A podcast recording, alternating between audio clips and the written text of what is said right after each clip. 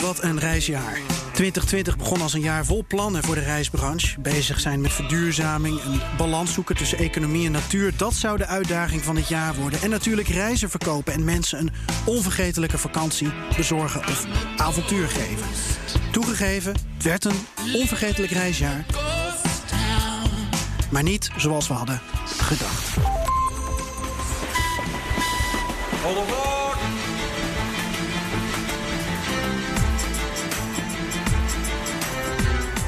Welkom bij de Goede Reis Podcast, de leukste wegwijzer voor onderweg. Deze podcast is een productie van BNN Nieuwsradio en reismagazine Columbus Travel.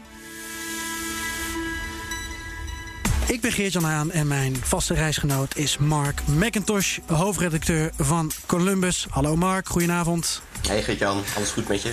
Ja, hartstikke goed. Hè? Ik ben als laatste aan de beurt voor vaccinaties. Dus uh, ja, ik krijg nog een, zwaar 2021 voor de boeg.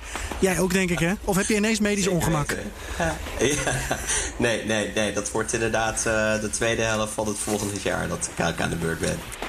Aflevering 20 gaan we maken van de Goede Reis podcast. En in deze en in de volgende aflevering gaan we terugblikken op dit bizarre reisjaar 2020. Kunnen we zeggen dat dit een historisch uh, jaar was voor de reisbranche? Ja, zeker. Ik, uh, ik vind het eigenlijk nog steeds een hele rare gewaarwording dat je echt onderdeel van de geschiedenis bent. Hè. Het is een, uh, een jaar dat we met z'n allen gewoon historisch maken. En nou ja, daar ga je kinderen en kleinkinderen nog over vertellen. Dat blijft heel erg bevreemdend. Ja. Ondanks dat we er nu toch al weer tien maanden in zitten. Dat er over 30 jaar exposities zijn van dit rare jaar. En dat jij dan ergens naartoe reist, want het kan dan weer met uh, iemand die je gaat laten zien hoe dat was. Uh, een beetje opa verteld-achtig. Ja. Ja, de omvang van het besluit is natuurlijk uh, enorm. Uh, dus we zijn momenteel aan het bekijken wat de precieze consequenties zijn. Wat het betekent voor onze vluchten, wat het betekent voor onze reizigers. en hoe we ons hier weer op kunnen aanpassen. Tja.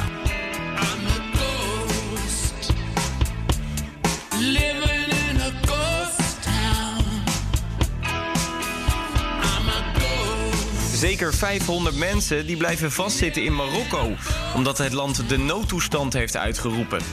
Transavia die zou die groep, waar ook flink wat Nederlanders in zitten, dit weekend ophalen. Maar door de noodtoestand zijn de landingsrechten van de vliegtuigen ingetrokken.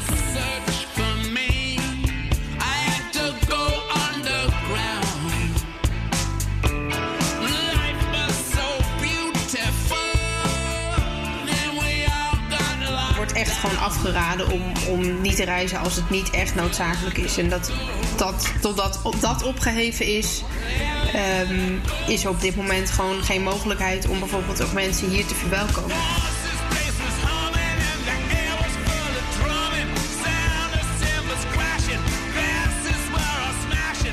Daar komt nog bij dat op dit moment in Berlijn uh, het toeristen ook verboden is om hier te verblijven. Dus de stad heeft een verordening, zoals dat dan zo mooi heet, uitgevaardigd. Um, die feitelijk toeristen verbiedt om in hotels te verblijven en zich in de stad op te houden.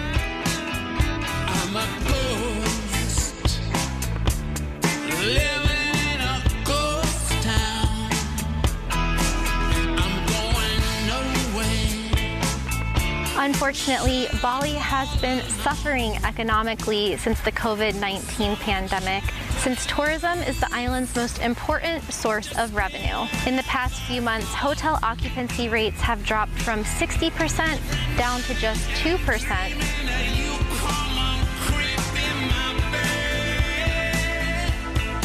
Nee, was niet verwacht. Uh, we zijn ook helemaal niet blij mee. En uh, eigenlijk hebben we er ook niet zo'n zo begrip voor.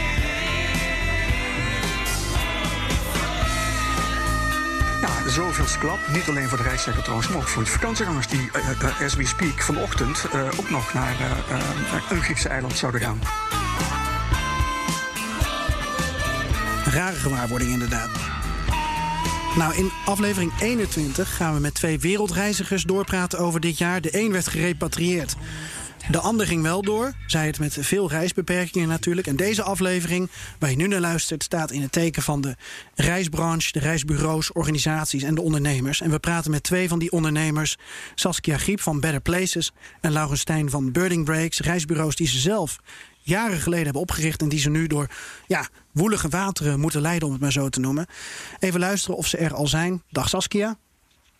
Hoi. En hallo Laurens. Uh, dag Gert-Jan. Ja, we gaan het met jullie ook zo hebben over het nieuwe steunpakket. Dat er ligt. Toch even benieuwd of dat jullie dan weer uh, vooruit helpt. Maar Mark, als ik met jou mag beginnen, want jij bent ook een baas van een, een reisonderneming, uh, hoofdredacteur van een reisblad. Hoe heb jij dit jaar als kapitein op een reizend schip beleefd? Ja, dat was toch echt alle zeilen bijzetten, vervelen. En een, een, nieuwe koers bevaren. God, je bent wel echt in de woordgrappen gekomen. Heel goed. Maar is, is, ja, is bladen verkopen in deze tijd net zo lastig als reizen verkopen, denk je? Um, nou, zeker weten wel als je kijkt naar advertentieinkomsten. die zijn natuurlijk ook dramatisch voor ons gekelderd. Uh, maar wij hebben het geluk dat we ook veel vaste abonnees hebben. En dat die nog steeds heel erg trouw uh, zijn en nog steeds heel erg geïnspireerd willen worden, ook over verre bestemmingen. En uh, daar, daar, bouwen we gewoon gelukkig verder uh, op. En dan hopen we dat we ergens in 2021 inderdaad ook weer op wat meer advertentieinkomsten kunnen rekenen. En wat hoop jij uit het gesprek dat we nu gaan hebben met Saskia en Laurens? Wat hoop je daarvoor voor inspiratie uit te halen? Waar ben je, ben je benieuwd naar? Wat ga je ze vragen? Nou, waar, ik heel erg benieuwd naar ben, is toch echt wel de, visie voor uh, na corona. Dus reizen uh, na corona. Uh, in hoeverre ze daarover hebben kunnen nadenken. Want we hebben natuurlijk lang in een soort van crisismodus uh, moeten werken. En ja, wat hun visie eigenlijk daar, daarop is. Dus eigenlijk gewoon wat meer de, de langetermijn impact van, van corona op hoe we naar reizen kijken en naar de wereld en naar onszelf eigenlijk ook. Maar eerst gaan we terugblikken op dit historische reisjaar. Zoals gezegd met uh, Saskia Griep van Better Places en Laurens Stijn van Birding Breaks. Saskia, om met jou te beginnen, wanneer heb je je laatste reis eigenlijk verkocht? Nou, ik moet zeggen, we hebben pas weer een reis verkocht. Dus uh, Wie? wat dat betreft. Wie en waarom? Ziet het. nou, is, uh, was iemand volgens mij naar Sri Nee, we hebben twee reizen verkocht. Twee weken geleden. Eén iemand die ging, was een familie die gaat naar Sri Lanka. Uh, van de zomer. En een Zuid-Afrika boeking. En we hadden wat mensen die eigenlijk al heel snel op reis wilden gaan. Maar dat is uiteindelijk toch niet doorgegaan. Ook omdat vluchten gewoon heel onzeker zijn. En ja, de hele wereld is toch nog oranje. En hier in Nederland gaat het nu de goede kant op. Dus ja, beter uh, stellen we het nog eventjes uit. Mensen die heel snel op reis willen. Ja, maar jouw enthousiasme voor twee reizen verkopen twee weken terug... betekent dat dat, dat het de afgelopen maanden echt op één hand te tellen was? Absoluut, ja. ja. Nou, we hebben van de zomer een paar reizen nog uitgevoerd... omdat we ook wat bestemmingen binnen Europa hebben... Maar ja, toen die, reis, die reizen waren veel last minutes, dus die waren geboekt. Maar toen ze eenmaal op reis moesten gaan, toen ging het ook weer op oranje. Dus dat was, uh, ja, ging niet heel soepeltjes, zeg maar. Want... Ik denk dat we na maart nog tien reizen hebben uitgevoerd. Dat was het. Zo. En, en even voor mijn helderheid, hoeveel uh, voer je er uh, ja, voor corona uit in, in een maand tijd bijvoorbeeld? Ik weet niet hoe jullie dat berekenen. Ja, honderden. Echt. Oh, jeetje. Ja, 5000 klanten op jaarbasis. Dus ja. Die zijn allemaal nu dat, in, in, de, in de bossen aan het lopen of van Nijkerk naar Putten aan het fietsen. Zoiets. Vogels aan het turen. Ja. Laurens, hoe zit ja, dat bij, bij ja. jullie dan eigenlijk? Ja, wij hebben Even kijken hoor, vanaf half maart uh, nou, ging het natuurlijk tot eind mei echt helemaal dicht. Uh, in de zomer hebben wij nog wel wat tours kunnen doen binnen Europa dan. Dus dat waren bestemmingen als Spanje en Portugal. Um, maar goed, ook daar, ja, uiteindelijk werden ook die landen weer oranje. Um, en daarna zijn we eigenlijk nauwelijks meer het land uit geweest. Ja, we hebben elkaar eerder gesproken, Laurens, pre-corona, echt vlak daarvoor. Ik, ik, kan me dat gesprek nog heel goed herinneren. was denk ik eind februari ja, of begin maart. Dat, dat we elkaar nog in levende lijven zagen. Klopt, ja. En wat is er gebeurd? Het was pionieren. Ik denk dat dat voor uh, heel veel uh, collega-reisorganisaties uh, ook zo was. Wat wij eigenlijk heel snel hebben gedaan, dat is dat we de mensen meteen hebben benaderd. Ons, ja, ons, ons uh, zwaartepunt van de reizen dat ligt bij ons in het voorjaar. Omdat uh, dan de vogeltrek eigenlijk uh, op de hoogtepunt is, de voorjaarstrek. Mm -hmm. En dat betekent dat we heel veel tours hebben vanaf maart tot, ja, tot en met juni. Um, en dat gaat dan zeg maar vanaf Israël uh, en Marokko in, uh, in maart. En dan schuiven we steeds wat verder op het noorden tot en met IJsland en Noord-Noorwegen in, uh, in juni. dus die vielen eigenlijk ja, al heel snel weg. en wij hebben mensen eigenlijk heel snel benaderd om te kijken of ze ja, die reizen om wilden boeken. En dat betekende dus dat we ook meteen al uh, capaciteit moesten hebben voor ofwel later uh, in 2020 of voorjaar 2021. Dus voor ons was het ja, eigenlijk meteen alle hens aan dek. als we mensen om willen boeken, dan moeten wij ook al een alternatief hebben waarnaar ze kunnen omboeken. Dus het was enerzijds mensen meteen benaderen en anderzijds ook meteen een alternatief kunnen bieden dat ze dezelfde reis een jaar later kunnen doen. Ja. Want om even te schetsen wat jullie doen. Jullie bieden vogelreizen aan. Dat zijn vaak, nou ja, mhm. dat zijn verschillende soorten reizen. Dat kan een weekje zijn, dat kan ook meerdere weken zijn. Uh, Europa, ook daarbuiten. Uh, er gaan experts van jullie mee. En dan heb je het dus over, over mensen die echt wel serieus geld neertellen om hun dromen waar te maken. En daar heb jij dus mee om moeten gaan nu. wat is jullie doelgroep om, om daar ook een beeld van te krijgen? Ja, doelgroep is qua, qua leeftijd is het zeg maar 45, 50 plus voor zeg eens 85, 90 procent denk ik. Um, mensen die wat te besteden hebben over het algemeen. Die wel echt een groen uh, een groen hart hebben. Ze vinden het zeker leuk om uh, buiten te zijn. Uh, het zijn niet altijd even fanatieke vogelaars, maar die hebben we er ook tussen. Maar het belangrijkste is denk ik dat mensen het leuk vinden om ja, tijdens zo'n reis echt gefocust te zijn op iets heel anders, namelijk op vogels kijken. Ja. Saskia, wat is eigenlijk jullie doelgroep? Wat, wat voor mensen gaan met jullie op reis? Ja, wij werken twee soorten. Twee valt in, uiteen in twee delen. Het ene is um, ja, um, 50 plus eigenlijk. Gewoon veel stellen. En een derde, of ja, dat groeit, het groeiende, dat zijn uh, families met kinderen. En dan ook echt oudere kinderen, echt 12 plus. Dus dat ze eigenlijk voorheen waren dat ook mensen die gewoon zelf alles regelden toen ze nog geen kinderen hadden bijvoorbeeld. En nu is het toch wel makkelijk om, om het gewoon allemaal uit te besteden. Maar toch wel een bijzondere reis. Even in vogelvlucht, uh, ik ga ook gewoon een woordschap erin gooien. Dan uh, uh, langs afgelopen jaar, want ik ben toch nog benieuwd, Laurens. een jaar geleden, januari 2020. Hoe zag de wereld er toen uit? Weet je dat nog überhaupt? Met welke doelstellingen en ideeën ging jij met Burning Breaks 2020 tegemoet? Ja, het was, het was gewoon, eh, de vooruitzichten waren gewoon heel goed. Dat werd eigenlijk ook zeg maar, op alle mogelijke manieren werd het gecommuniceerd op de vakantiebeurzen. Uh, we zagen dat zelf ook terug in de cijfers. We hadden heel veel uh, ja, mensen die al geboekt hadden in januari voor eigenlijk het hele jaar en soms ook nog wel jaren daarna. Uh, dus ja, het zag natuurlijk gewoon uh, hartstikke goed uit. 2019 was ook een heel goed jaar, dat hadden we goed afgesloten. Ehm, ja, uh, kom maar op. Dat was een beetje het, uh, het beeld van, van begin van het jaar. En wanneer kwam voor jullie een kantelpunt? Wanneer ondervond jij en ondervond je bedrijf voor het eerst zelf last van de coronacrisis die opkwam? Ja, het, het begon eigenlijk natuurlijk in, in, in China. Ik was in de tijd van het begin van corona was ik zelf nog op reis in de Filipijnen. Uh, en daar was, toen ik daar aan het rondreizen was, uh, viel me op dat ja, steeds meer mensen buiten al een mondmasker uh, gingen dragen. Nou is dat al een beetje iets Aziatisch wel, maar het viel daar wel echt meer op. Totdat we op een gegeven moment ook binnenlandse vluchten gingen doen. En dat wij Nederlanders gewoon echt de enige waren die geen mondmasker op hadden. Um, wat daar toch een beetje wordt beschouwd als ja, iets uh, een beetje onbeleefd misschien. Hè? Dat, uh, want dat bescherm je vooral anderen mee eigenlijk. Uh, en in de Filipijnen was in de tijd dat ik er was in februari de eerste coronadode buiten China gevallen. Oh ja. Dus dat was ehm, ja, voor ons ook een ja, en echt, echt een moment van, oh ja, dit is wel, uh, dit is wel voor het echi, zeg maar. En annuleringen, weet je dat nog? Je eerste annulering of je eerste uh, klant die zei, uh, we've got a problem? Ja, dat, dat, dat, dat ging eigenlijk heel snel. Uh, ik denk, wij hebben onze uitzending gehad, als ik het goed heb, op 3 maart. Kan dat zijn geweest? Ja, want jij kwam terug inderdaad uit de Filipijnen. En ik moest jou nog volgens het protocol vragen of je klachten had. Ja, ik heb volgens mij heb ik je vervolgens nog wel een hand gegeven. Maar goed. Ja. ja, in die tijd was dat. Ja, ja klopt.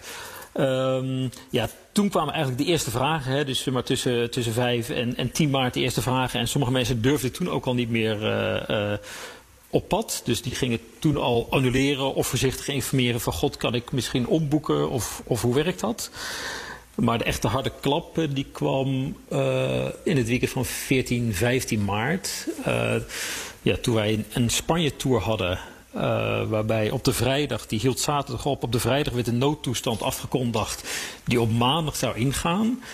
Uh, en zondag zouden wij weer een grote groep uh, daar naartoe hebben. net als naar Marokko, die ook op zondag zou vertrekken.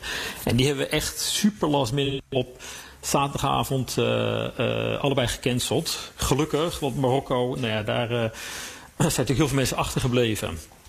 En dat, daar ging het lucht, luchtruim dicht en dat duurde echt lang voordat iedereen terug was. Dus daar hebben we denk ik een hele goede call gemaakt.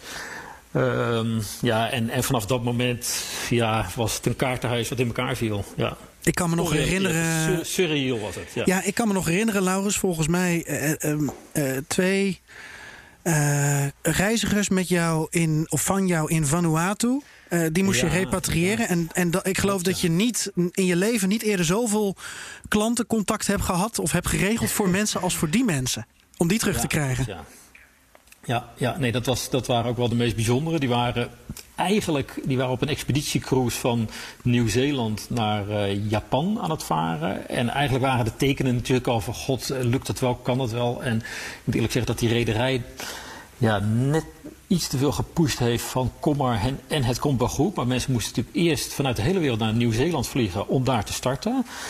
Ja, en die zijn toen gestart. Ik denk dat ze een halve dag aan het varen waren. En toen mochten ze al niet meer terug naar Nieuw-Zeeland. Want Nieuw-Zeeland ging toen in lockdown. Uh, dus ja, dat was gewoon ja, een ronddobberend cruiseschip. Zoals je daar meerdere had in die tijd. En ja, probeer dan maar ergens aan land te komen. Uh, om, uh, om weer terug te vliegen. Dus die zijn uiteindelijk in zes dagen zijn ze naar Vanuatu gevaren. En daar hebben ze gelukkig een soort corridor kunnen maken tussen de haven en, en, en de luchthaven. en ja, konden mensen dus van boord. Ongelooflijk. En via Tokio geloof ik uiteindelijk teruggevlogen, hè? zoiets. Ja, uiteindelijk via Australië. En zelfs één, één deelnemer die kreeg dus ja, echt hoeveel pech kan je hebben. Die kreeg nog een een soort galsteenprobleem in uh, Australië. Toen hij diezelfde avond nog een vlucht uh, terug naar Barcelona moest hebben. Die heeft hij dus gemist. En uiteindelijk moest hij dus twee maanden lang in Australië blijven. Wachten op de eerste vlucht weer naar, naar Europa. Want alles, ja, dat was het moment echt dat al die luchtruimen dicht gingen. en hij, hij had echt letterlijk gewoon zijn laatste vlucht gemist. Ja. Saskia, toen wij, wij spraken elkaar in april. Uh, mm -hmm. Toen was de situatie uh, nou, uh, vrij onoverzichtelijk en ook wel uitzichtloos binnen alle onoverzichtelijkheid. Want we zaten midden in een eerste lockdown van een pandemie die wij voor het eerst allemaal in ons leven meemaakten. Wat ik me herinner aan dat gesprek is dat jij je toen um, ook best wel zorgen maakte om de indirecte werkgelegenheid in de reissector. Om, om de landen waar jullie uh, hmm. werken. De gidsen, de vertalers, de, de, de B&B's, de homestays. En ik heb ook een vraag van, van luisteraar Paulien... die, die zich afvraagt van ja, hoe... Hoe gaat het met die mensen daar? Hoe, hoe zijn jullie daarmee omgegaan? Maar ook, uh, dat is iemand ja, die, die is toch benieuwd: kun, kan ik iets voor die mensen betekenen? Hebben zij op dit moment een baan? Want ja, er is geen toerist. Hoe, hoe gaat het met, die, met dat onderdeel van die reissector? Ja, het is heel verschillend per land. En um, ja, door die hele crisis merk je eigenlijk hoeveel mensen er afhankelijk zijn van het toerisme. En hoeveel mensen een baan hebben door het toerisme. En niet alleen gidsen, maar ook gewoon toeleveranciers of informele sector. Mensen die souvenirs verkopen. Dus wij, uh, en dat heeft ons eigenlijk een beetje door een aantal maanden van de crisis uh, heen geholpen. Omdat we dan met iets positiefs bezig waren. Wij zijn, denk ik, eind april zijn we begonnen met het uh, opzetten van crowdfunding in verschillende landen. Dus ik heb gewoon aan onze reisexperts gevraagd, die in heel veel landen wonen, van waar hebben jullie nou behoefte aan? En hoe kunnen we nou ook onze reizigers op de hoogte stellen van wat er in, bij jullie gebeurt. Want hier was het, zaten we in lockdown. Maar goed, iedereen. Er kwam, ja, wij hadden gewoon al heel snel steun vanuit de overheid. En dat is in heel veel landen natuurlijk helemaal niet zo goed geregeld. Dus we hebben. Ja, in heel veel landen hebben we dus acties opgezet samen met de reisexperts. En dat is een beetje verschillend van. Ja, in Tanzania hadden we gewoon pure voedselhulp. Dus gewoon echt voedselpakketten uitdelen. En in Colombia hadden we meer de virtuele tours. Dat de gidsen dus virtuele tours opzetten waar mensen dan voor betaalden. Ja, en eigenlijk is daar heel veel positieve energie ook uitgekomen. En ook ongelooflijk veel donaties hebben we gekregen van onze reizigers. Daar ben ik echt heel erg door verrast. En het geeft ook wel een heel goed gevoel uiteindelijk hadden we, ik heb het vanmiddag nog even nagerekend, hoeveel we, nou, op wat de tussenstand is. Mhm. En we hebben in totaal 80.000 euro opgehaald in alle verschillende landen. Wauw. Dus dat is ja ongekend. Ja. En dat is, heet We Support Local Tourism, hè? Ja, We Support Local Tourism. Ja, precies. Ik was, was benieuwd naar uh, een, een, een website. Uh, is die makkelijk te ja, vinden? Ja, nou, het is een verzamelwebsite, maar daar staan dan allemaal verschillende acties op uh, via een, uh, een, ander crowdfund, uh, een ander crowdfunding platform. Maar het is wel zo dat we eigenlijk een beetje weer in een nieuwe fase gaan komen. Alhoewel we voorlopig nog niet op reis kunnen, maar we hebben wel zoiets. We gaan binnenkort die acties gaan we afsluiten. En we gaan ons weer volledig richten op creëren van werkgelegenheid en gewoon klaar zijn als het straks weer op gang komt. Ja. En het is heel verschillend hè, in de landen. Want in Colombia bijvoorbeeld, die hebben een hele strenge lockdown gehad. Echt maandenlang, mochten helemaal niks. Maar die zijn nu inmiddels een paar uh, maanden uit de lockdown en die kunnen gewoon weer reizen. En daar is gewoon best ook veel uh, binnenlands toerisme. Ik noem nog één keer de website trouwens. Uh, we supportlocaltourism.com en ook via de website van betterplaces.nl. En dan een, uh, een deelpagina erop is hij, uh, is hij te vinden. Ik, ik was nog wel benieuwd, want je hebt het ook over solidariteit. En daar gaat die vraag van Pauline ook over. En dat is wel opvallend, want de eerste weken van die pandemie, toen was er ook veel solidariteit, kreeg het ook veel aandacht in de media. Nu eigenlijk, zeg ik als onderdeel van de media, voor mijn gevoel best wel weinig. Uh, we zijn bezig met hoeveel mensen we kerst kunnen vieren. Ja.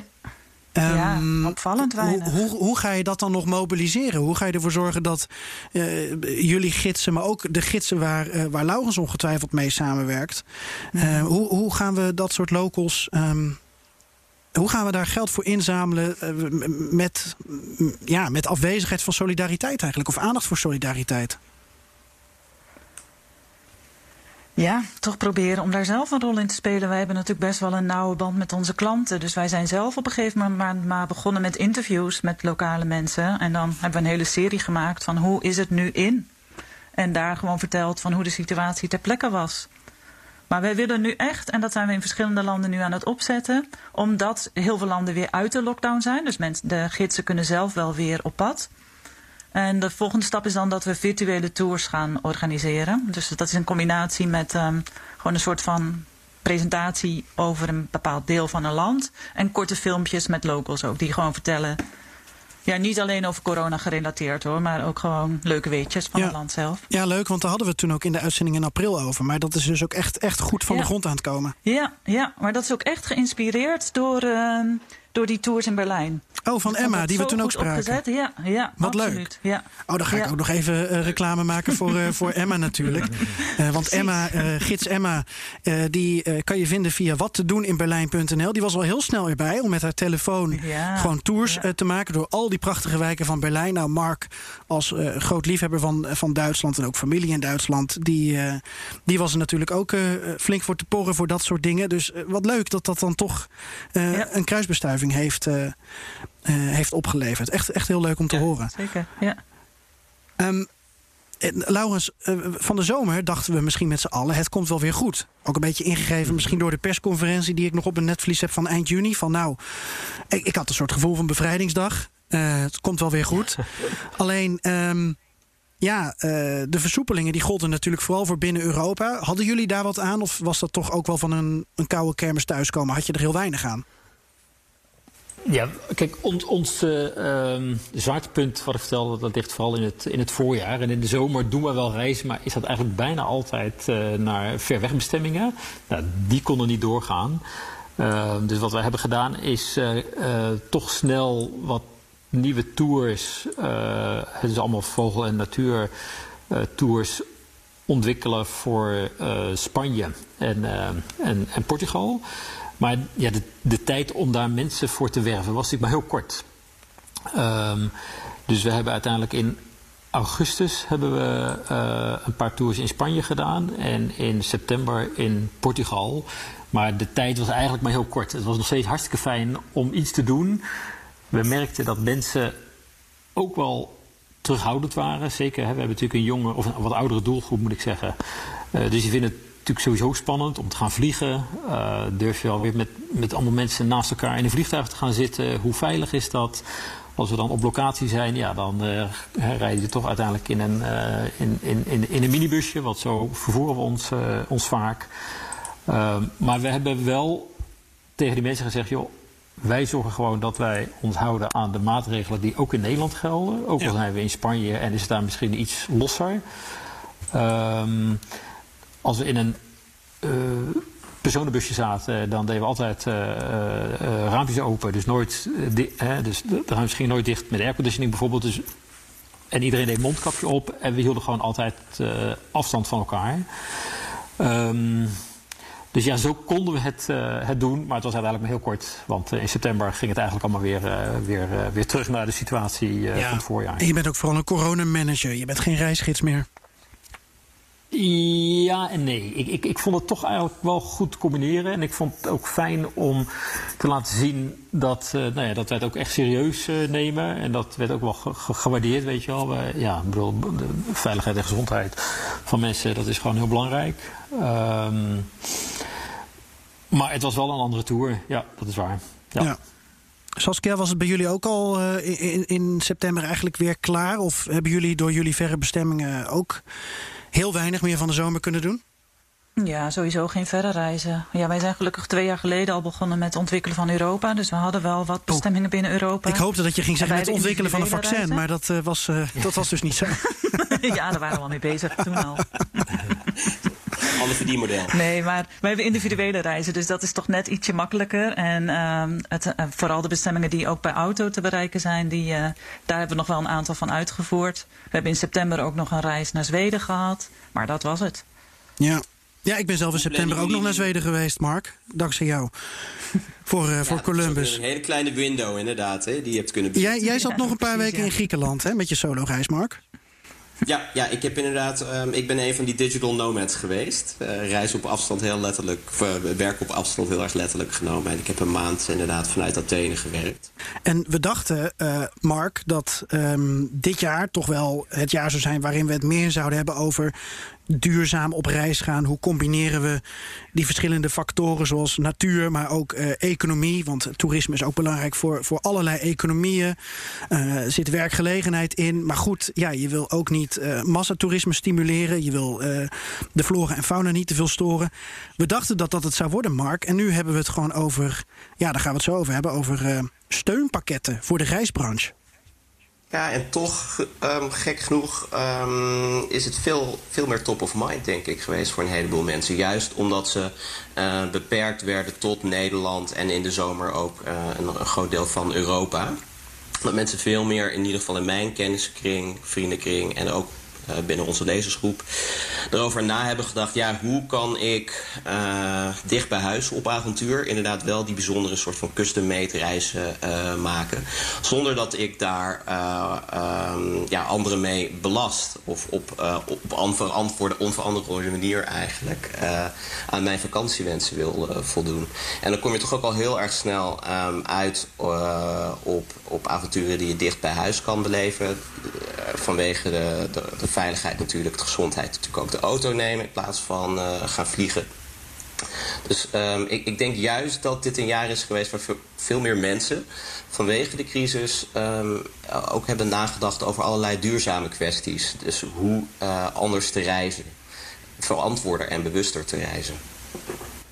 Laurens, hoe hebben jullie dat um, dat ervaren? Want je, je moest noodgedwongen, denk ik, vogelreizen nu dicht bij huis aanbieden. Uh, werd dat alsnog een soort win-win situatie?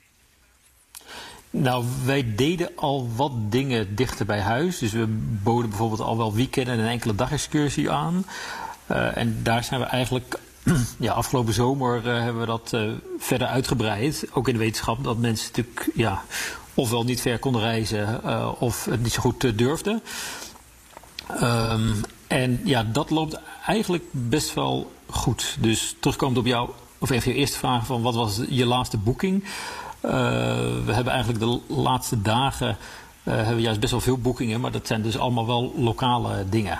Uh, dus we hebben bijvoorbeeld een, een weekend speciaal voor uilen, om uilen te zien, georganiseerd. en dat doen we ook in de vorm van een dagexcursie. Ehm, dus ja, dan kunnen mensen toch naar buiten. Ehm, wij nemen ze mee in een wereld die wij goed kennen. En ja, heel veel mensen vinden het natuurlijk leuk om iets bijzonders als een uil te zien. Ja, klinkt heel mooi. Alleen ik kan me ook voorstellen als ondernemer en als eigenaar van dit bedrijf dat je op zo'n reis dan wel veel minder marge pakt dan op een uh, trip van twee weken naar Extremadura. Klopt, dat is ook zo. Ja, ja dus het, het, het, het, is een beetje dubbel. Het is leuk om je nou ja, weer ja, op een positieve manier ergens mee bezig te houden. Hè. Wat je echt leuk vindt, nieuwe dingen ontwikkelen. Uh, tegelijkertijd zien we ook dat dat uh, ja, inderdaad qua, qua omzetten uh, betekent nog steeds dat, dat we nog steeds min 80, min 85 procent hebben ten opzichte van vorig jaar. Maar het is wel toch heel belangrijk, denk ik. Belangrijk om, ja, om je mensen ook zeg maar, enthousiast te houden. Dus het personeel. Om contact te blijven houden met, met reizigers. Nu is al nieuwe doelgroepen aan te boren. Uh, dus ook al levert het misschien niet zoveel op, uh, nou, misschien in de toekomst ja, blijkt dat juist wel het geval te zijn geweest. Kijk jij er ook zo naar, Saskia? Ja, nou, ik, her, ik, herken aan de ene kant wel wat, wat Mark zegt. En uh, natuurlijk een heleboel problemen die we hadden, uh, veroorzaakt door toerisme, die hebben we wel goed getackeld. Want het, vliegerij, het vliegen is uh, drastisch afgenomen. Over toerisme hebben we ook geen last meer van. en ik denk ook wel dat het deels blijvend is. Dat mensen ook wat dichter bij huis blijven. En ook ontdekken dat het dichter bij huis ook gewoon heel goed vakantie vieren is. Maar ik denk ook dat er een enorme inhaalslag gaat komen. Als mensen weer uh, ver ja, op reis kunnen. Dat, dat denk mensen ik ook, eventjes, ja. uh, wat dat, ze zijn dan anderhalf jaar niet geweest. Dus dan hebben ze wel even wat te goed. Maar daarna denk ik wel dat, het wel, dat er weer veel meer de focus ook komt te liggen op, uh, op, duur, op het verduurzamen. Ja. En wat me ook wel opvalt, is ook wel grappig, want ik heb de laatste tijd best wel veel contacten gehad met, uh, met tourismbureaus. Dus bijvoorbeeld van Tourism Finland of Tourism Slovenië. En daar valt me op dat ze ontzettend geïnteresseerd zijn in duurzaamheid. Ja. Als je het daarover wil hebben. Wat ik kan beamen, inderdaad. Ja. ja. ja. En dat had je echt twee jaar geleden absoluut niet. Dan hadden ze iets van, wat bedoel je daarmee? En nu is het echt uh, dat ze dingen gaan uitzoeken en echt heel erg uh, enthousiast worden als je het daarover wil hebben. Maar ook omdat ze dus. Dat heel goed teken. Omdat ze zich realiseren dat de markt daar nu ook klaar voor is. Ja, ik denk een combinatie. En ook wel, kijk, klimaatverandering gaat natuurlijk niet weg. En daar is nu wel even de aandacht een beetje van afgeleid door corona. Maar ja, daar krijg, krijg je straks natuurlijk wel veel meer de aandacht nog op. Nee, en er, zijn, er is natuurlijk nog gewoon nog heel veel mogelijk. Ja, ja maar je wil natuurlijk um, idealen hebben. Alleen misschien hmm. kan je kan je niet een, een reisbureau of een marketingbureau... in het geval van al die visitorganisaties mm. runnen... Uh, zonder toch ook uh, goed naar je eigen begroting te kijken? Nee, absoluut. En je moet natuurlijk naar de trends kijken. En daar, ja, daar zie je natuurlijk wel dat mensen ja, meer focus op de natuur... kleinschalige accommodaties, drukke plekken vermijden. Dat zijn allemaal wel dingen die ook goed aansluiten bij duurzaamheid. Met jullie goedkeuren komen we hier zo op terug. Want ik wil uh, zo even chronologisch 2020 aflopen. En er ligt nu een steunpakket vanuit onze overheid. Laatste steunpakket. In principe denk ik dat er dit jaar komt. En dan over twee, drie maanden zien we waarschijnlijk wel weer verder. En dit is extra overheidssteun die de reisbranche in principe uh, helpt. En goed zou kunnen gebruiken. Een vraag die ik van heel veel luisteraars krijg, Saskia, is: wat betekent zo'n -hmm. steunpakket nou specifiek voor, voor een reisbureau? Want we weten dat de KLM's en de Corendons en de TUI's allemaal geholpen worden. Uh, maar dat zijn natuurlijk gewoon, gewoon, gewoon vliegers in essentie. En jullie uh, zijn de echte hardcore uh, MKB'ers, de echte ondernemers die het maar moeten zien te rooien dit jaar. Wat voor steun heb je aan zo'n pakket? Ja, ongelooflijk veel. Ik ben super blij met die steun. En dat het nu nog wordt uitgebreid, is natuurlijk helemaal heel prettig. Ik moet zeggen dat ik maandag na de persconferentie best wel wat, ja, wat somberder werd. Ook om eh, de hele planning rond vaccineren. Ik had dat toch ietsje optimistischer inges ingeschat. Dus dat betekent wel dat die steunmaatregelen dat die verlengd wordt en minder snel wordt afgebouwd. Ja, gewoon heel belangrijk is om, om het gewoon nog iets langer te kunnen uitzingen.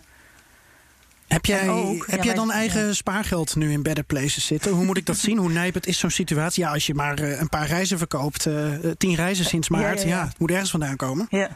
Nou, wij hebben hele goede jaren gedraaid hiervoor. 2019 was voor ons een topjaar. En dat geld wat we verdiend hebben, is gewoon in het bedrijf gebleven. Dus dat, ja, soms is het wel goed om een beetje zuinig aan te doen. Wat wij best wel zijn. En dan denk ik, ja, dan heb je nu profijt van. Ja, Want dat geld is niet uitgekeerd, zeg maar. Dus dat zit gewoon in het bedrijf. En dat hebben, kunnen we nu gewoon keihard gebruiken. en wat kan je dan met zo'n steunpakket? Wat voor lasten worden daarvan gedekt? En, en is dat dan de 100% of 80%? Hoe zit dat?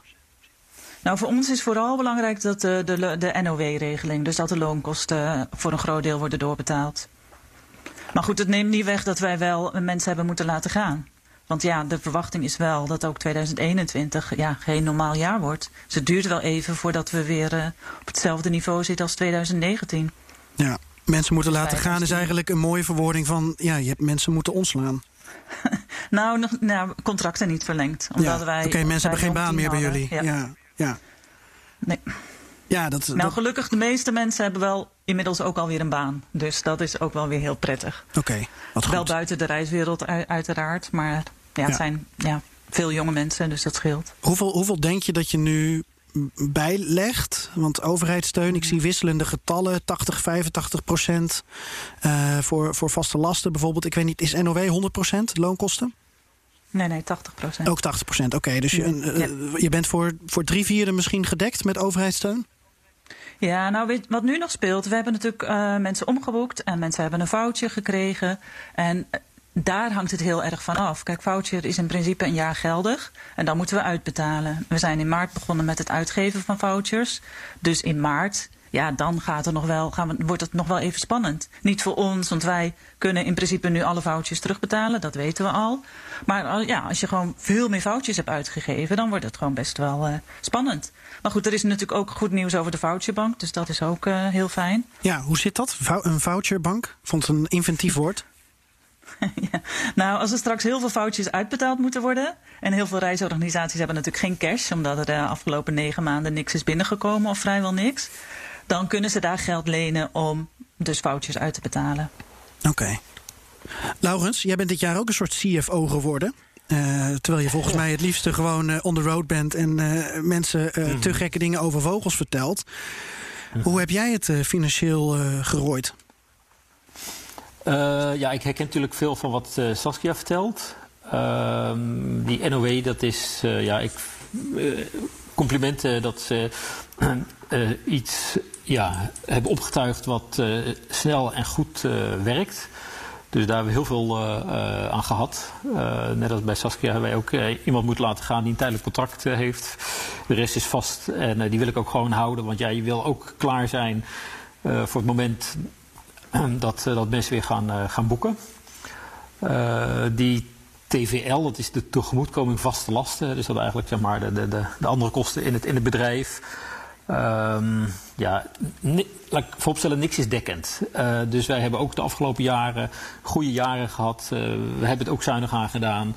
Uh, dus we teren gewoon in eigenlijk op, op het vermogen, zo moet je het zien. Ehm, maar dat, eh, dat, dat, dat kunnen we ons wel voorloven met de hulp die er nu is. Ja. Maar je had het natuurlijk Maar- liever 100% gezien. Nee, ja, ja en nee. Want ik snap heel goed dat, eh, nou ja, dat, dat een overheid zeg maar, helpt, maar ja, niet op de plek van jou als ondernemer gaat zitten.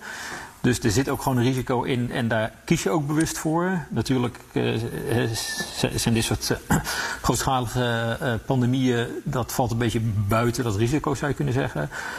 Maar ik vind het ja, logisch dat dat niet 100% eh, gedekt wordt, moet ik eerlijk zeggen. Mark, hoe heb jij naar het gelobby van, de, van, de, van de reisbranche gekeken? Als je het afzet tegen bijvoorbeeld de horeca, de evenementensector. Ehm, heeft de reisbranche eh, ja, zich genoeg laten horen en laten zien de afgelopen maanden voor, dit, voor deze steun? Ja, ik denk het wel. En ik denk dat we met z'n allen heel erg blij kunnen zijn met wat uh, voornamelijk ook de ANVR uh, in ons belang allemaal heeft kunnen doen. Dat, dat, dat, dat zie je nu ook terug. Hè? In, uh, in de maatregelen die, uh, die worden bijgespijkerd. Dus uh, ik, ik denk dat we met z'n allen toch... en dat, ik hoor heel veel positieve geluiden ook over bedrijven onderling. Dat wil ik graag ook eigenlijk aan jullie voorleggen, Laurens en Saskia. Dat er ook veel meer initiatieven ehm, tussen bedrijven... eigenlijk concurrenten, zou je kunnen zeggen, conculega's... hebben plaatsgevonden dit jaar. En um, ook ja, wat, wat meer um, innovatieve uh, concepten zijn bedacht. Met, uh, met kleinere partners misschien hier in Nederland. Om, uh, om eens te kijken, ja, wat voor andere verdienmodellen kunnen we nog verzinnen. En um, kunnen we die gebruiken als experiment om wellicht later, post-corona, um, groter te maken. Of op de een of andere manier om te zetten in, ja, in een mooi verdienmodel. Hoe is dat bij jullie verlopen? Nou ja, ik wil nog heel even doorgaan op die rol van de ANVR. Want naast natuurlijk dat ze enorm gelobbyd hebben, hebben wij er als reisorganisatie ongelooflijk veel aan gehad. Omdat er gewoon ja, heel veel nieuwe regelingen zijn, onduidelijkheden van hoe je met consumentenrecht om moet gaan. En ze hebben bijvoorbeeld elke vrijdag hebben ze een vragenuurtje waar je dus gewoon kan inbellen. Een soort van, van webinar, zeg maar, waar iedereen vragen kan stellen, waar weer de laatste informatie wordt gedeeld. En dan, ja, dat, dan is er ook wel een heel groot gevoel van saamhorigheid, zeg maar. Dat je het allemaal samen moet doen en dat je eigenlijk allemaal in dezelfde situatie zit. En ja, je ziet wel dat er natuurlijk allerlei initiatieven ontstaan en dat mensen gaan samenwerken. Wat ook soms wel logisch is, ook om te overleven, zeg maar. Waar zijn jullie mee bezig? Want ik, ik zag uh, avontuur ja. dichtbij. Dat is iets waar je bij betrokken bent. Je bent bezig met toch met verduurzaming. Kun je een paar van die projecten noemen waar jij in ieder geval hard voor maakt? Ja, nou kijk, ook door die overheidssteun hebben wij dus nog wel mensen in dienst. En die ook gewoon, ja, we, voeren nu geen reizen uit, maar we kunnen wel allerlei acties ondernemen. En ook met onze partners. Dus ook onze partners, ja, die, staan, die hebben nu ook gewoon niet zoveel om handen. Dus die, samen met hun gaan we ook gewoon kijken hoe we verder stappen kunnen zetten op het gebied van verduurzamen van onze reizen. Dus we hebben bijvoorbeeld al onze reizen onder de loep genomen en gekeken of we het aantal binnenlandse vluchten kunnen verminderen. Uh, we hebben gekeken of we de reizen langer kunnen maken. En iets meer het concept van slow travel. Dus niet uh, in een week of tien dagen zoveel mogelijk hoogtepunten afvinken. Maar gewoon veel meer het land ervaren. En langer op een plek te blijven. We zijn bezig met, ja, dat is helemaal het, de ultieme vorm van slow travel. Dat is eigenlijk een combinatie van werken en reizen. Dus dat zijn dan reizen van zo'n twee maanden. Waarbij deels ook steeds op een plek, op een vaste plek zit waar je dan kan werken. Want dat is wat wij denken, wat wel ook na corona zal blijven. Dat mensen veel meer uh, ook op afstand kunnen werken. Dus ja, waarom niet je vakantie combineren met, uh, met werken? Dus je gaat de, de, de digitale nomaden, die ga je dan ook echt faciliteren? die ga je, ga je echt helpen? Ja, ja dat. Ja, ja. En ja, het zijn dan niet echt digitale nomaden. Wel een beetje, denk ik, een ander soort. En ook niet die echt maandenlang weggaan. Maar wel gewoon waarom, als je heel makkelijk thuis kan werken, waarom niet lekker in een uh, mooi huis in Tanzania in de natuur? Dan in je eigen. Dan wordt het eigenlijk better workplaces in plaats van better places. Zoiets, ja. Dit lijkt me ook wel iets voor, uh, uh, voor jullie, Laurens. Weet je, overdag werkt hij achter zijn laptop, maar s'nachts. En bij het ochtendgloren, dan kijkt hij naar vogels. Dat, dat doen wij al. Dat doen wij al. Oh, jullie werken al overdag, ja. Geloof jij dat, uh, dat dat een interessant verdienmodel kan zijn voor de toekomst? Zeker, ja. Ik, uh, ik heb het heel erg om, uh, om me heen uh, gemerkt dat als ik dat vertelde... dat mensen zeiden van, joh, wat een goed idee, dat wil ik eigenlijk ook. Waarom niet inderdaad? een heleboel werkgevers waren natuurlijk eigenlijk heel erg wantrouwig... als het ging om thuiswerken voor de crisis. En nu hebben ze gemerkt dat het eigenlijk gewoon wel prima gaat. Je kan prima een blad uitgeven met de hele redactie die vanuit huis werkt, bijvoorbeeld. Ja. Um, en dat geldt denk ik voor een heleboel sectoren. Dus, dus ook wat meer flexibiliteit, denk ik, in, in de gedachtegang uh, gekomen van een heleboel werkgevers. Waardoor de, de, ja, de, sprong eigenlijk die je moet maken om, uh, om je werknemers in het buitenland lekker aan het werk te zetten wat kleiner is geworden. Dus ik denk ook zeker wel dat daar, uh, daar veel beweging in gaat komen. Ik denk dat het een heel interessant verdienmodel kan, kan worden voor onder andere Better Places inderdaad. Jullie, Laurens, jullie zijn nu bezig met ja, binnenlands of meer Benelux um, reizen. Maar heb je er ook over nagedacht hoe je inderdaad ja, uh, dit was natuurlijk een soort noodgreep, maar hoe je ook post-corona ehm, inventief probeert te zijn, of ben je ook een beetje aan het tweaken, zoals Saskia? Ik, ja, voor wat betreft onze reizen hebben we eigenlijk. Ja, ik denk niet dat er een heel groot verschil gaat ontstaan um, ten opzichte van de afgelopen jaren op de manier waarop wij onze reizen al doen. Want wij zijn al heel erg ja, een, een natuurreisorganisatie. Wij lopen al zeg maar gewoon een aantal ja, hele mooie natuurparken af voor wildlife en, uh, en vogels. En daarin hadden we al een onderscheid gemaakt in een ja, concept easy birding, waarin we dat wat op een langzame manier doen, zeg maar. Uh, en iets meer voor de hardcore beurders. De type Arjan Dwarshuis, zeg maar. Die zoveel mogelijk soorten in zo kort mogelijke tijd wil, uh, wil zien. Ik denk dat wat waar voor ons ja, het verschil in is in komen te zitten. Dat is dat, um, ja, dat je gewoon weer leert waarderen waar je vandaan komt. Uh, dus uh, echt het lokale. Dus waar, je, waar we nu helemaal gewoon voor ons gaan kijken. Op de Waddeneilanden, Oostvaardersplassen, uh, Veluwe, Zeeland, Limburg. Uh, dat je gewoon weer die plekken meer leert waarderen. En dat is denk ik wel iets wat, wat, wat blijvend is, ja. Ja, er zal een, een nieuwe doelgroep ontstaan. Een doelgroep die het ook echt helemaal prima vindt om dichtbij te blijven. Ja, dat, dat, vermoed ik, dat vermoed ik wel. Ja. En wat je eigenlijk in het begin van corona al zag, hè, toen mensen thuis moesten blijven, hè, toen het uh, ja, op zijn strengste was, dat heel veel mensen ook gewoon ja, vanzelf meer interesse gingen krijgen van god, wat zit er nou in mijn tuin of wat gebeurt er eigenlijk op het balkon. Dus daar ontstond eigenlijk al een, een grotere interesse in, in natuur en in vogels. Um, en ja, ik denk dat we dat nu ook langzaam wat terugzien in de dingen die we nu hier in Nederland uh, aanbieden. En misschien dat dat uh, ja, ervoor gaat zorgen dat mensen ook binnen Europa en verder weg uh, een iets meer natuurgerichte bestemming gaan kiezen. Mark, jij wilde ook nog wat vragen volgens mij. Ja, ik ben gewoon heel erg benieuwd naar um, nou, jullie plannen. Ik weet niet eens of er plannen gemaakt kunnen worden. Je zal wel moeten natuurlijk als, uh, als bedrijf voor 2021. Hoe kijken jullie er naar? Ja, heel goed. Want ik was inderdaad klaar ja. met oktober nu. En dat steunpakket van december hebben we ook gehad. Dus hebben we het hele jaar een beetje samengevat zo in een paar minuutjes. Uh, een, een bizar jaar, maar dat doen we gewoon eventjes met z'n vieren. Dat, dat kunnen we. Um, met wie wil je beginnen, Mark? Saskia, aan jou het woord. Ja, nou, wij uh, zijn er eigenlijk helemaal nu op ingericht dat we vanaf. Uh, nou ja, ik moet zeggen, ik heb het een beetje bijgesteld. Ik had tot, uh, tot, tot eind vorige week had ik dat we in april weer reizen konden uitvoeren. Maar sinds maandag heb ik het ietsje naar achter geschoven. Ik ga er nu vanuit dat we vanaf juni weer echt reizen kunnen uitvoeren. En niet alleen binnen Europa, maar ook op ver.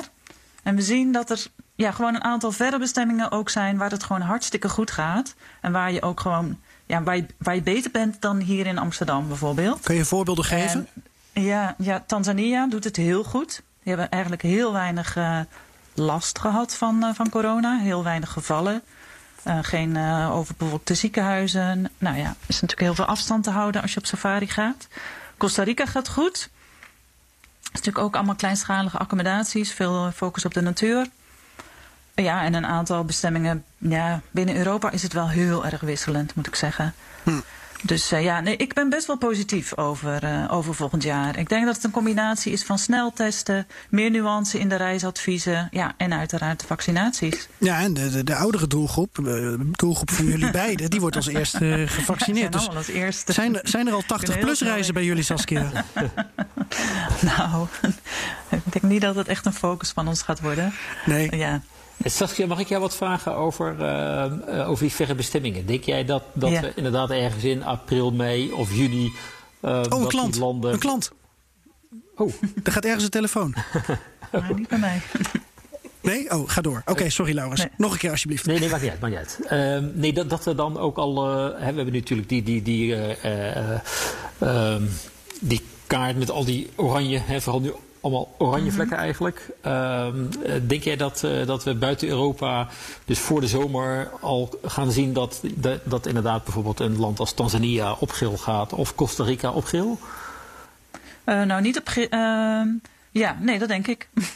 ik denk dat er, dat er uh, ja, ik hoop het vooral ook heel erg. Maar ik zou niet weten, als ja. we het echt gaan baseren op cijfers, waarom het niet zo zou zijn. En je ziet bijvoorbeeld ook, dat is natuurlijk een bekend probleem, dat er verschillende reisadviezen zijn in de Europese landen. En bijvoorbeeld mensen in Duitsland mogen al naar Cuba reizen, terwijl het bij ons op oranje is. Dus ja, ik denk dat daar wel gewoon een doorbraak gaat komen. Dat er toch betere afstemming is op Europees niveau. En als het echt op basis van de feiten is en op basis van de cijfers, ja, dan kunnen ze het gewoon ook niet maken om wel Curaçao op uh, geel te zetten en niet Tanzania, terwijl die dan nog veel lagere cijfers heeft. Maar goed, ja, ik, ik, ik, hoop met je, ik hoop met je mee. Ik vind het, ik vind het ook bijzonder zeg maar, dat er al. Uh, ja, dat al zo lang eigenlijk uh, zo is dat je niet buiten Europa mag reizen eigenlijk. Ja. Uh, dus ik, ik hoop dat ze daar ook zeg maar, wat kritischer kijken naar wat er daadwerkelijk in een land aan de hand is. En daar ja. het advies op, uh, op baseren. Ja. ja, en dan in die combinatie ook met die sneltesten. Ik denk dat dat ook gewoon een heel belangrijk instrument mm -hmm. is om in te zetten. Mm -hmm. Dus dat je, ja, voordat je in het vliegtuig stapt en, en test en als je weer terugkomt. Ja. Uh, Laurens, wat, wat is jouw idee ja. van, van 2021? Ja, ik ik denk dat het toch wel tot aan de zomer gaat duren. Dat vrees ik eigenlijk een beetje. Uh, voordat we weer helemaal terug naar normaal zijn. Maar wel dat het in de loop van nou ja, het voorjaar. Dat we steeds uh, wat verder uh, open gaan. Dat inderdaad, nou ja, dat we weer naar landen kunnen reizen. en, um, maar dat dat nog steeds zeg maar per land verschillend zal zijn. Als ik nu zie dat, dat die besmettingscijfers toch eigenlijk wel op heel veel plekken nog oplopen, ja, dan is mijn verwachting niet dat dat in februari ineens anders is. Um, dus dat betekent dat, dat we denk ik tot die tijd nog wel daaraan vastzitten. Hopelijk dat we met nou ja, de eerste vaccinaties bijvoorbeeld, uh, en misschien ook vaccinaties in andere landen, waar ze misschien wat voorlopen op, op Nederland, dat daarmee ook uh, openingen worden geschapen om weer landen te bezoeken. Maar China, daar, daar, daar zijn de discotheken alweer volgestroomd. Kan je daar niet naartoe? Ja, raar eigenlijk dat dat land nog op oranje staat. Want dat is volgens mij wel het geval. Ja, of bepaalde regio's. Of, nou ja, Rusland is ook aan het vaccineren. Maar als je naar Siberië gaat, kom je sowieso niemand anders tegen dan een paar vogels. Dus je zou toch denken dat op een bepaalde manier er maatwerk zou moeten kunnen worden geregeld. Ja, maar dat, dat, dat maatwerk, ja, ja. ik denk dat het wel geïnitieerd moet worden vanuit, uh, ja, of iets meer centraal gestuurd moet worden vanuit, vanuit de overheid. Uh, nu is toch echt het, het, beeld heel sterk van mag niet, kan niet. Uh, en er wordt weinig perspectief geboden om, nou ja, het kan, maar hou daar rekening mee. Ja, dat, dat zou ik ja, eigenlijk kijk, graag willen zien. En het wil niet zeggen dat mensen niet op reis gaan. Hè? Kijk, je kunt nu gewoon naar Costa Rica vliegen. Er niks dat je tegenhoudt. Ja, met een reisorganisatie is het wat lastiger, want je wilt je wel aan de regels houden. Maar kijk, als het echt. Als mensen, mensen gaan niet nog een jaar niet reizen, denk ik, als het gewoon ook mogelijk is naar bepaalde bestemmingen. Er gaan gewoon vliegtuigen. Dus mensen op een gegeven moment is het hek van de dam, denk ik. En dan kan beter de overheid van bovenaf meer gaan reguleren. En ook de reisadviezen waar het kan aanpassen. Zodat er toch iets meer controle is. Ja ja, waar hoop je volgend jaar zelf naartoe te gaan? Uh, Laurens, wat staat er op je lijstje? En, en, heb je een realistisch lijstje en een, uh, een idealistisch lijstje misschien? Uh, nou, mijn realistische lijstje is dat ik toch een aantal Europa-bestemmingen ga doen volgend voorjaar. Dus in april of mei. En dat wordt dan ja, bijvoorbeeld Spanje of Finland en Noord-Noorwegen. Ehm, en ik ja, ik ben al ingepland op uh, een reis naar Brazilië eind augustus. Je bent ingepland. Je, je bent je eigen baas. Dat doe je toch zelf? Dus ik moet. Ja, nee, maar dat is precies. Ja. Dus, uh, dus die, daar wil ik heel graag aan vasthouden. Ja. Uh, sorry, want dat ik. Dat is mijn eerste, ver, eerste verwegbestemming eigenlijk. Ik, ik, zat er doorheen te praten. Je gaat in augustus naar Brazilië. Kan je dat nog één keer, nog één keer uitleggen? Excuus. Ja, dus uh, eind, eind, augustus uh, dan ga ik met een groep naar Brazilië, naar het Atlantisch regenwoud en de Pantanal. En ja, dat is gewoon echt een fantastisch uh, mooie uh, natuur, wildlife en uh, vogelbestemming. Ja. Dus daar kijk ik erg naar uit. En dat zal mijn eerste verwegbestemming worden, hopelijk na de Filipijnen van afgelopen januari, februari. En Saskia, jij had het dus over Tanzania, Costa Rica voor jullie reizigers. Iets waar je zelf naar hunkert? Nou ja, hunkeren, dat is weer een verhaal apart. Maar ik eh, ben wel van plan om, uh, om in 2021 in eerste instantie binnen Europa op reis te gaan. Ik wil heel graag, daar wil ik al heel lang heen, naar Montenegro. En dan wil ik het combineren met Albanië bijvoorbeeld. Dus uh, ja, dat is iets wat ik wel, dat is wel realistisch, denk ik. En de rest, ja, ik ben altijd heel laat in het plannen van mijn reizen en ik zie het altijd wel. Dus uh, Och, als, nou eens, uh, als er nou eens een reisbureau zou zijn dat je zou kunnen helpen daarbij. Hè? ik, ik heb, zou uh, zo fijn zijn. Ik, ik, je mag mijn fotoalbum van Montenegro uit 2019 mag je bekijken. En voor Columbus ben ik in Albanië geweest in 2015, geloof ik, Mark. Dus ja. ja, dat, dat, dat zijn zeker aanraders. Dat is echt, ja, de Balkan is sowieso fascinerend. Mm -hmm. Maar ook omdat, ja, Albanië, die kust. Die is geweldig. Alleen ja, je associeert Albanië vaak vanuit Nederland alleen maar met lelijke dingen. En niet met uh, een van de mooiste stranden van de Middellandse Zee of van de Adriatische Zee die ze daar gewoon hebben. Dat is echt geweldig. Ja.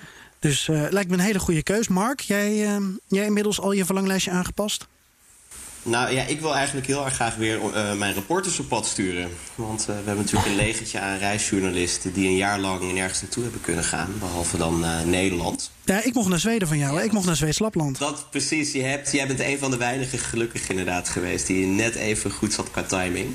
Maar dat bijt natuurlijk heel erg als, als reisblad. Dat je gewoon een jaar lang ook niemand naartoe kan sturen... om echt mooie dingen te maken en mensen te inspireren. Ja. En, en je hebt zelf helemaal geen wensen? Um, nou ja, ik, ik, sluit me aan uh, bij Saskia dat ik graag wat meer van Europa wil zien. Um, ik ik uh, wil eigenlijk het liefste wat meer gaan trainen. Uh, het is op mijn verlanglijstje gekomen. Sowieso naar Schotland met de trein. En, en naar Spanje. daar, daar, daar is nog volop eigenlijk werk aan de winkel voor, voor mij als reiziger. Dat wil ik graag ook meemaken. En dat valt op het lijstje realistisch, hoop ik ook wat later in het voorjaar. Dank jullie wel. Uh, ik wens jullie alvast uh, fijne feestdagen, gezond uiteinde. En ik hoop dat 2021 een beter reisjaar wordt dan 2020. En ik hoop dat jullie uh, ondernemingen, ja, dat je die door die zware tijd heen kan, kan loodsen. En natuurlijk dat je, dat je lekker op reis kan. Dus dankjewel voor de medewerking en heel veel succes. Laurens Stijn van Birding Breaks. En uh, Saskia Griep van uh, Better Places. En, uh, Dank jullie wel. Keep up the good work. Dankjewel. Dankjewel. Goede reis. En Mark, ik spreek jou volgende week weer. Want dan gaan we op wereldreis. Nou ja, dat doen we dan virtueel. En we gaan terug in de tijd op, op wereldreis. Dus eigenlijk is het uh, geen echte wereldreis. Maar het is wel heel leuk, want we gaan het hebben met twee wereldreizigers over hoe hun wereldreis in 2020 is verlopen. En je gaat uh, toch wel uh, wat nieuwe dingen leren en een nieuwe kijk op reizen krijgen als je dit verhaal hoort. Mark, tot volgende week. Tot volgende week.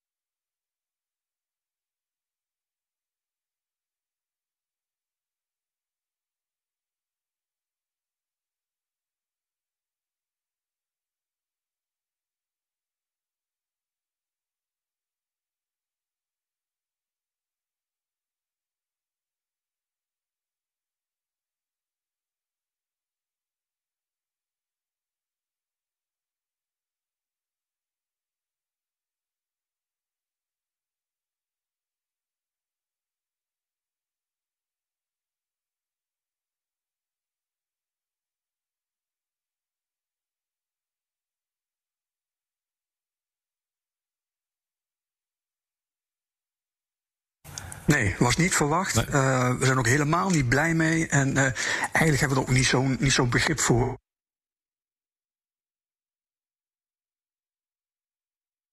Ja, zoveel klap. Niet alleen voor de reissector trouwens, maar ook voor de vakantiegangers die, uh, as we speak, vanochtend ook nog naar een Griekse eiland zouden gaan.